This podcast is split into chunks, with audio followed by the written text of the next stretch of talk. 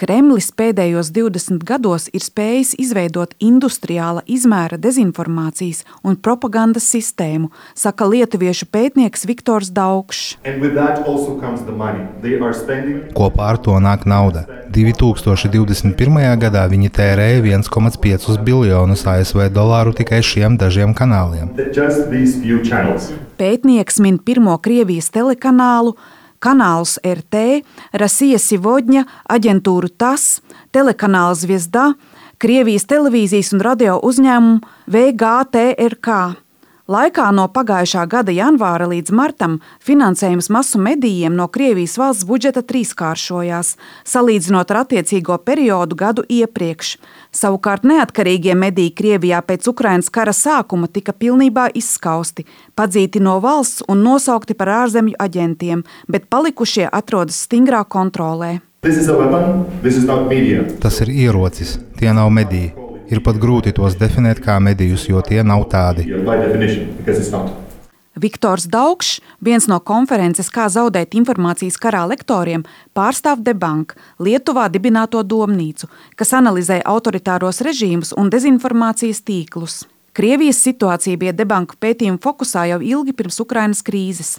Monitorējot propagandas medijus piecus mēnešus pirms Krievijas invāzijas un vienu mēnesi pēc, pētnieki tajos fiksēja šādus galvenos Kremļa narratīvus.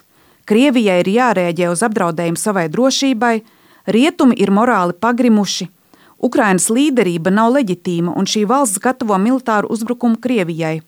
Ukraiņi izdara kara noziegumus, Krievija ir stipra un pašpietiekama, kā arī NATO rada apdraudējumu Krievijai.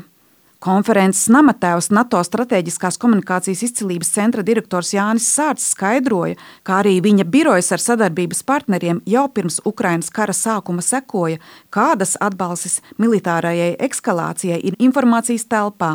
Viņi vēlējušies arī saprast, kāpēc informācijas karš Krievijas iekšienē joprojām ir tik veiksmīgs. Vai mēs agresoru valsti varam dēvēt par informācijas kara uzvarētāju jeb zaudētāju? Jautāju Jānim Sārtam. Ko mēs redzam pēc datiem? Viņiem neveic informācijas karā Eiropā un Ukrainā. Tas ir tas, kur viņi visvairāk gribēja, lai viņi veicās, un kas ir viņu tāds nu, liels mērķis. Bet Krievijas iekšienē, jā, tur jāatzīst, viņi spējuši būt uh, efektīvi un spējuši noturēt kontroli pār situāciju. Un ne Ukrāņu, ne Rietumu mēģinājumu teikt, uzlauzt šo informācijas telpu nav vainagojušies ar pietiekamiem panākumiem. Šī gada laikā pasaule ir dramatiski mainījusies. Esam atskāruši, ka miers un drošība Eiropā nav kaut kas pašsaprotams, secina Jānis Sārts.